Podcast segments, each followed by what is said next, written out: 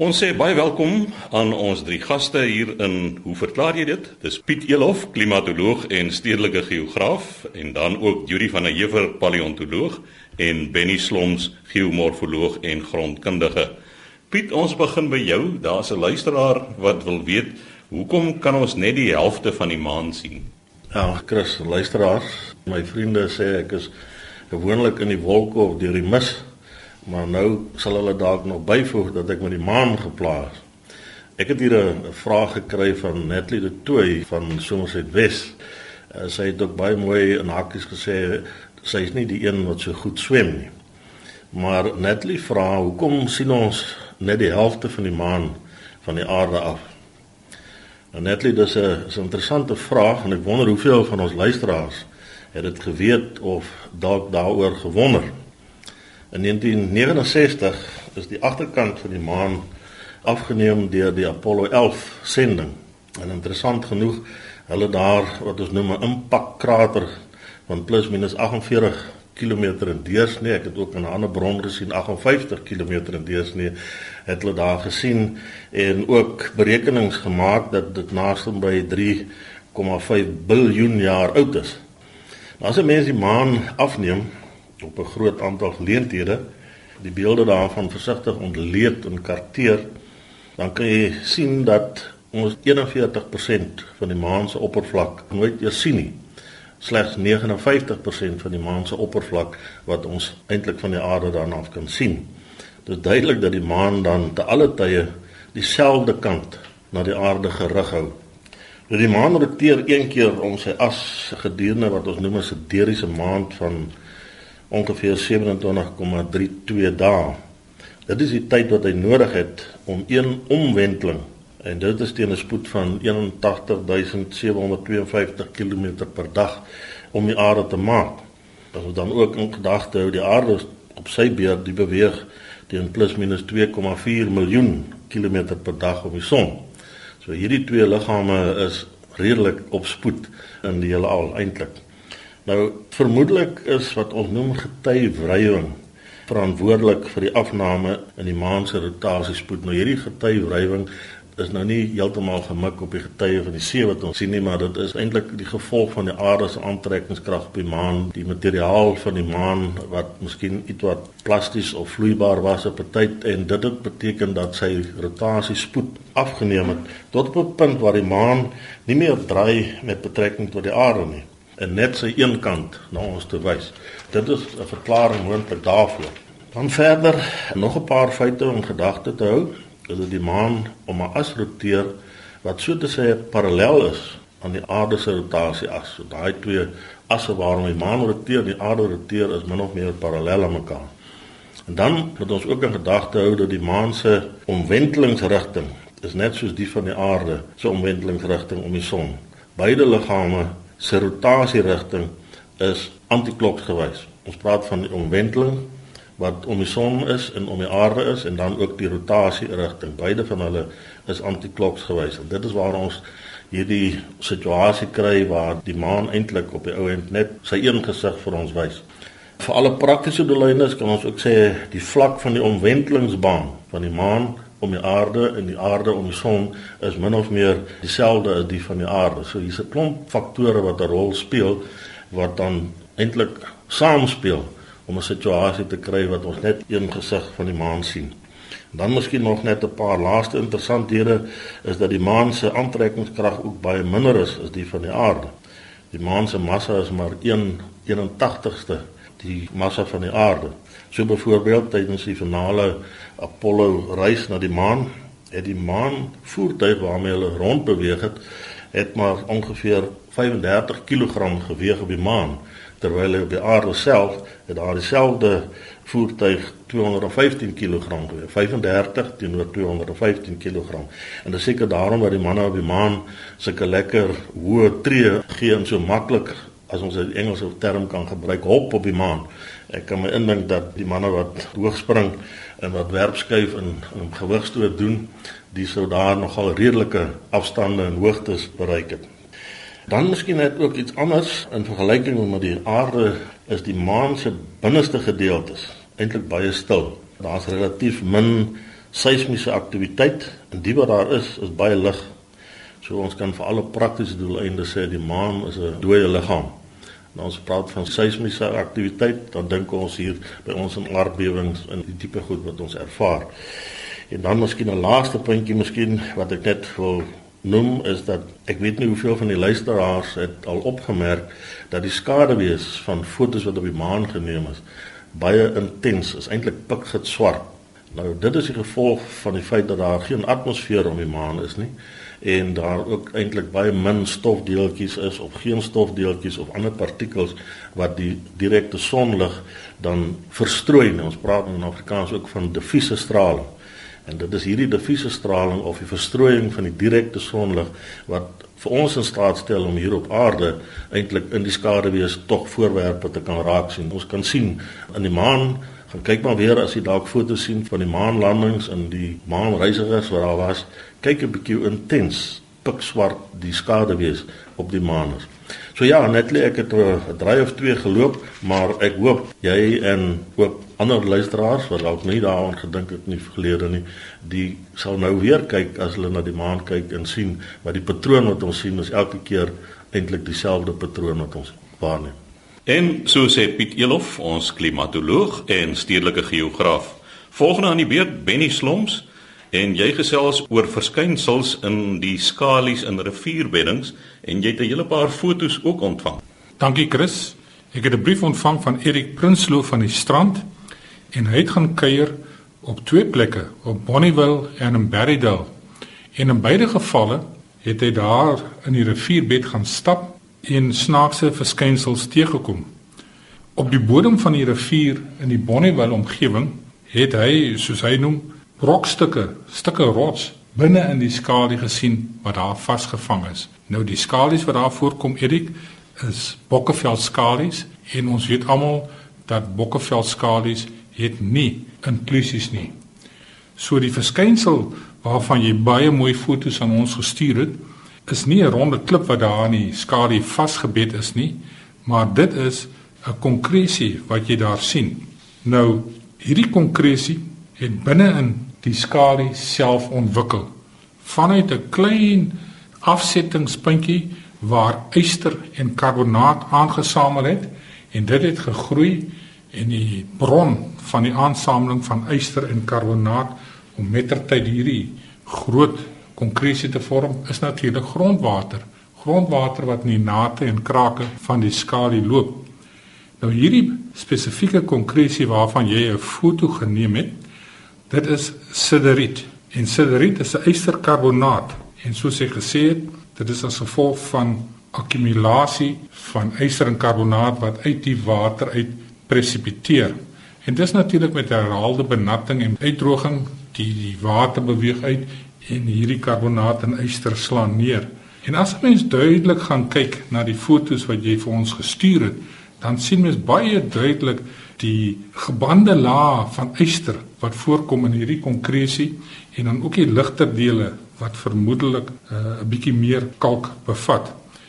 Jy sê hier in jou brief wat jy geskryf het, kon hierdie verskynsel dalk afkomstig gewees het van vulkaniese uitbarsting wat klippe laat val het toe die betrokke skalielaag nog op die bodem van die meer was. Nee, dit is nie die geneese van hierdie verskynsel nie. Dit was geen vulkaniese aktiwiteit naby Bonnieville gewees waarvan ons weet nie. En dit is nie klippe wat van 'n ander plek gekom het nie. Hierdie konkresie het letterlik binne in die skalie self ontwikkel en gegroei tot hierdie groot verskynsel wat jy afgeneem het. Op die een foto het jy 'n vierhoekie dosie as 'n skaal en daardie deursnee van die konkresie wat jy afgeneem het is amper 40 cm as ek so vinnig berekening doen. En dit is nogal groot. En wat interessant is luisteraars, Erik sê daar was meer as een van hierdie konkresies binne in relatief kort afstand in die Bokkeveldskalies langs die rivier, maar nêrens anders nie. Het dit daar slegs op hierdie een plek gesien. So die toestande was daar nou gunstig geweest vir die sideriet om te ontwikkel. 'n Tweede foto wat Erik gestuur het, het hy afgeneem in die omgewing van Berrydale. Weereens is hierdie foto geneem in die rivierloop self. Mens kan die water sien loop daarso en die skalie en hierdie is ook Bokkeveld skalie is ontbloot. Nou binne in die skalie is daar sulke parallelle lae witter gesteentes wat langs mekaar lê in die gesteente. Nou hierdie witter laag wat jy sien daar Erik, dit is kwartsare wat deur die skalie loop. En as jy mooi gaan kyk na jou foto, dan sal jy ook sien dat hierdie skalie is 90 grade vanaf die horisontaal gedraai. So mens kyk letterlik vertikaal af in hierdie gesteente. Nou wat hier gebeur het en ek het 'n bietjie navraag gedoen naby my buurman, professor Abraham Rosendal. Hy sê dat hierdie swakheidsvlakke ontwikkel indien hierdie skalies geplooi raak. En die plooiingsaksie veroorsaak dat van die laag wegtrek van mekaar af en dit verskaf natuurlik 'n toegangsroete vir water. Silikaryke water beweeg in daardie nate en krake en dan slaan die kwarts, die silika slaan neer in hierdie nate en vorm mettertyd hierdie gelaagdheid van kwartsare wat 'n mens so sien. Ek moet sê Erik, hierdie is een van die beter voorbeelde wat ek nog gesien het van kwartsare in die uh, Bokkeveld skalies. Dan sê jy ook as 'n mens stukkies van hierdie skalie vat en jy gooi dit in 'n vuur, dan uh, ontplof dit soos klappers. Nou wil jy weet, is dit aardgas in hierdie skalie wat so ontplof? Nou Erik, nee, dit is nie aardgas nie. Jy verwys hier natuurlik na metaan en ons kry nie daardie gas binne in die Bokkeveld skalies nie. Wat wel gebeur indien jy stukkies van hierdie materiaal in 'n rivier in 'n vuur gooi, dan word dit vinnig verhit. Die water wat vasgevang is binne in die stukkie rots wat jy daarin gooi, dit sit natuurlik geweldig uit en dit veroorsaak dat die rots of die klippie daar uitmekaar uitbars. 'n Mens moet versigtig wees in die natuur as jy vuur maak om vleis te braai. En veral hierdie ronde rivier spoelklipper nuus heelwat op hierdie foto wat Erik gestuur het. Ek onthou nog goed as tweede jaar toe het ons as dagbrekers 'n staptog onderneem van Stormsrivier Mond tot by Nature's Valley. En ons het die een aand geslaap daar langs die rivier op so 'n terras wat uit hierdie ronde spoelklippe bestaan het. En so 15 meter van my af het die seniors daar 'n vuur aangesteek en hulle het vleis gebraai. Nou die vuur het pragtig daar gebrand tussen die reënbuie deur en die vleis is op die rooster en toegebruik. Ek onthou daar was nog maans van Lul wat later predikant was hier in Berrydale. Hy was een van die manne daar en op die rooster daar op die vuur gesit met twee ronde spoelklippe aan weerskante. En die volgende oomblik Toe was daar 'n ontploffing soos 'n handgranaat wat ontplof het. Toe een van hierdie ronde spoelklippe wat natuurlik nou oorvult het, die water het uitgesit in die binnekant, het hy letterlik ontplof. Ek sien nou nog die rooster met die chops daar deur die lug trek. So, dit kan 'n baie gevaarlike oefening wees van hierdie stukke rots wat so uitmekaar uitskiet, is so skrapnel. So hy kan vir jou seermaak. So oppas om gesteentes, klippe wat nat is in die binnekant. Mens weet nie altyd nie, dit lyk nie so nie maar hulle kan ontplof as jy hulle te vinnig te warm maak. Binne jy vat ons gedagtes nou baie ver terug na daardie staptog dit was in 1968 gewees. En ek sien in van die jongste buitelug tydskrifte is daar 'n artikel juis oor daardie wandelroete, die Otter wandelpad en die hangbrug wat daar oor die rivier is. Nou as ek dit reg het, was 1968 se tweede jaar. Vandag breek die eerste van die publiek wat daardie hangbrug oorgesteek het. Ek het nog foto's van daardie staptog van ons. Benie net om ook 'n ronde eiertjie daar buite te lê. Daardie klippe lyk na ideale goed om 'n rooster op neer te sit langs die vuur. Uiteraard, Chris, en hulle is volop. Dis die eerste een en naaste een wat jy in die hande kan kry en hulle werk eintlik soos 'n bom. Letterlik en figuurlik. Mens moet net bedag wees daarop dat hierdie goed is nie baie stabiel as jy dit verhit nie.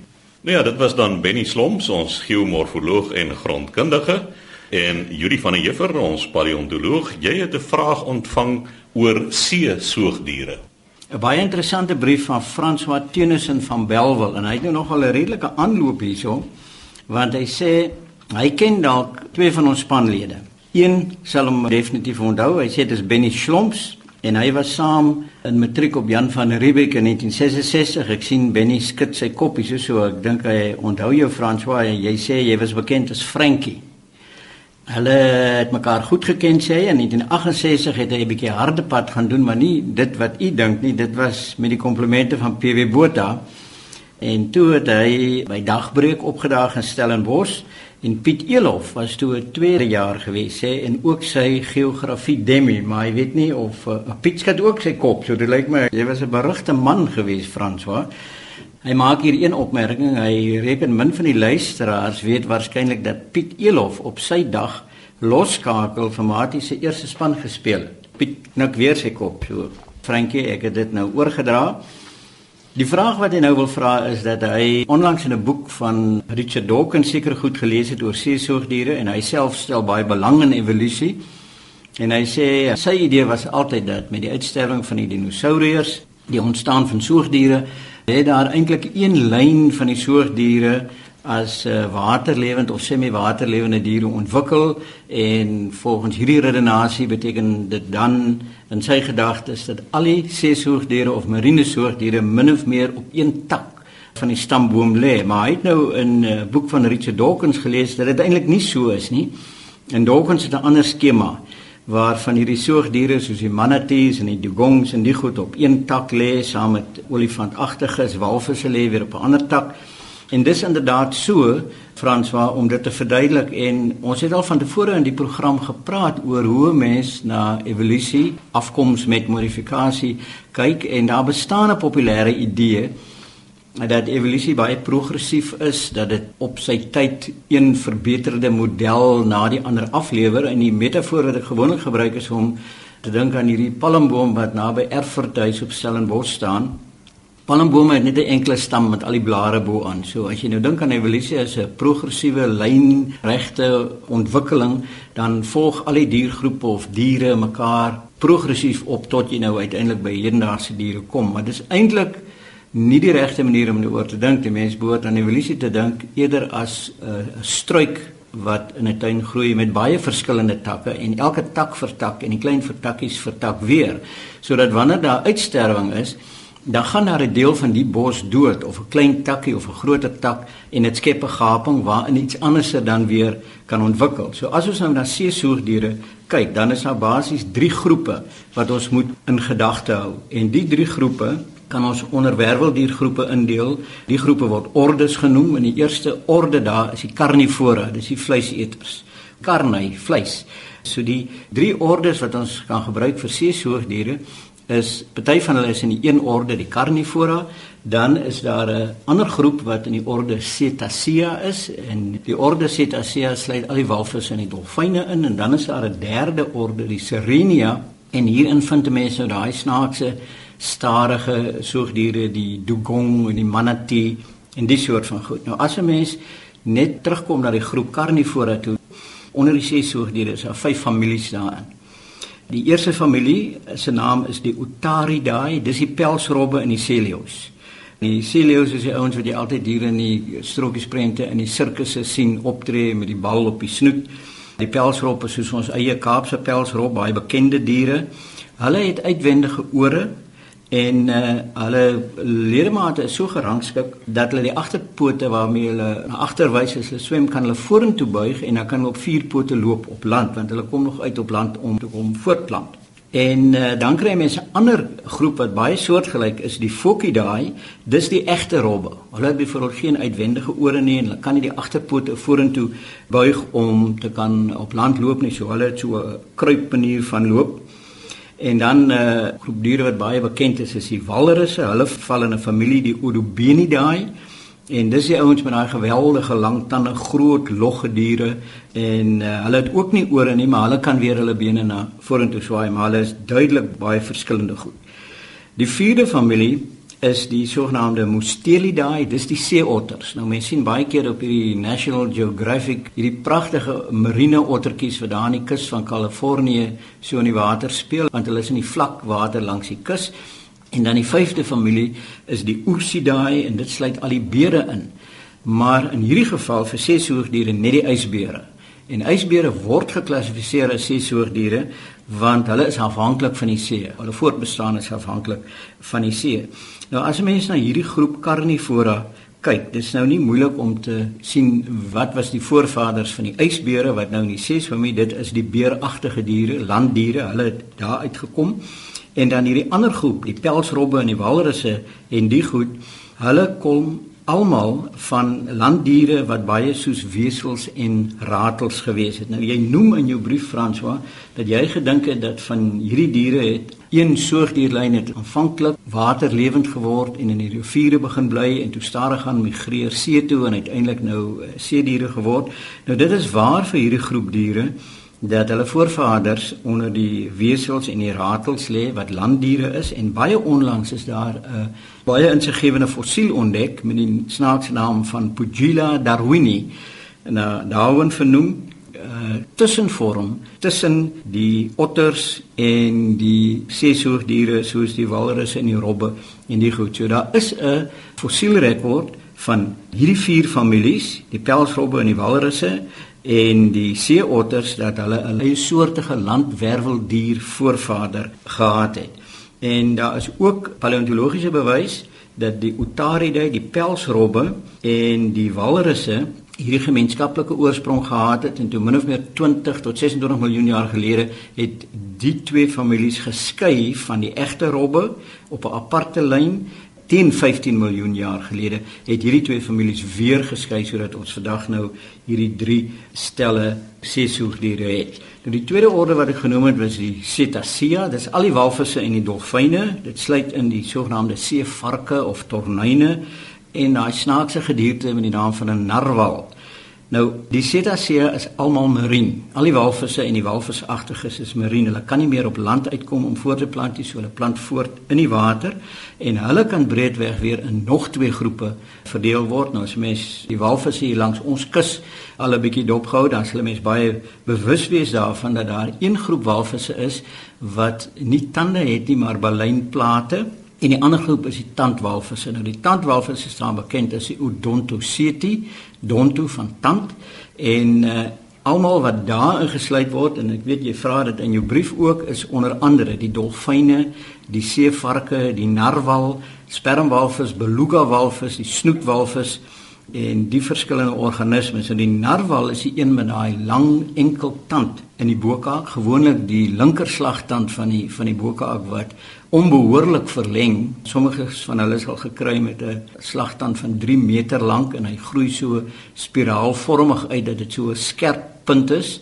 Dis egter nie om dit te beklein nie. Die tand is hol en dit is met geweldig met senuwees gelaai sodat dit is 'n soort van 'n sensoriese slagtand. Die seevarke is goed wat net soos dolfyne lyk, maar hulle het korter snoete en dolfyne het mos sulke puntige tande soos reptiele omdat hulle nou vis en die goed eet, maar die tornyne of seevark, diese tande is plat soos die voorpunt van 'n graaf en nie konies soos die ander nie. So daar's al hierdie goed wat hulle nou onderskei. En as ons na die ander kant oorstap na die klomp baleinwalvisse, hulle word amptelik genoem die Mysticeti en hulle het nie tande nie maar hulle het sulke donkerbruin swart keratienplate in die verhemelte waarvan die onderpunte is so uitgerafel dat dit soos baie dik stomp hare lyk. En hulle lewe van krul of plankton wat 'n groot monde vol van neem saam met seewater in die mond en dan word die tong gelig om daai ruimte te verklein dan word al die water uitgepers deur hierdie balyn siwe sodat die walvis nou sit met so 'n sop, krul en plankton en klein krappies en goed wat hulle dan insluk. Maar die naaste landwerweldier groep aan hierdie walvisse, beide die Mysticeti en die Odontoceti, is 'n groot groep wat onder andere die sequoia insluit. Nou dit is in ons departement ook nagevors, die genetika altans daarvan, maar daar bestaan 'n baie goeie fossielrekord wat toon hoe walvisse progressief van daai groep landdiere af ontwikkel het tot volledige seediere wat nie meer op land kan uitkom nie. So die groep kom dus van 'n groter groep wat veral die sequoia insluit. En dit laat ons dan by die laaste groep die orde Serenia. Nou hulle is baie interessant. Dit is 'n groep wat breedweg twee soorte seesoogdiere insluit. Die sogenaamde dugong en die ander een is die manatee of die lamantyn is 'n ander Afrikaanse woord daarvoor. En dis die enigste seesoogdiere hierdie groep wat vegetaries is. Al die ander is eintlik karnivore want die baleinwalvisse eet natuurlik ook ander seediere Nou, die orde Sirenia is nie naverwant aan die ander seesoogdiere. Die naam is baie interessant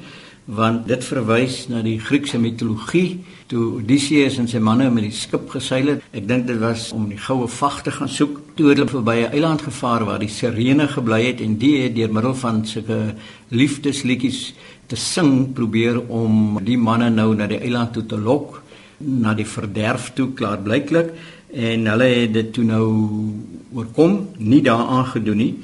Die sirene was nou hierdie meisies wat gesing het op eilande die see en die bote is daarby. En op een of ander stadium is hulle blykbaar verwar met meerminne en uiteindelik het die legende ontstaan dat die dugong en die manatee of lamantyn eintlik in lyn gebring is met meerminne nou hoe dit kon gebeur het weet ek nie want as mense hierdie logge stadige grys seediere dink dan weet jy nie hoe dit nou kan verbind word met 'n uh, pragtige meermin nie maar daar is aspekte daar is baie beweeglike voorste ledemate en die wyfies kan dikwels die kleintjies in die arm in die ledemate vashou die melkkliere is soos hulle sê pektoraal geplaas so die sogenaamde borste van die dier sit tussen of naby die boarms en daar is so plat meerminagtige stert. En as jy nou in die ou dae van die seilskepe matroos gewees het wat miskien al 5 jaar ter see is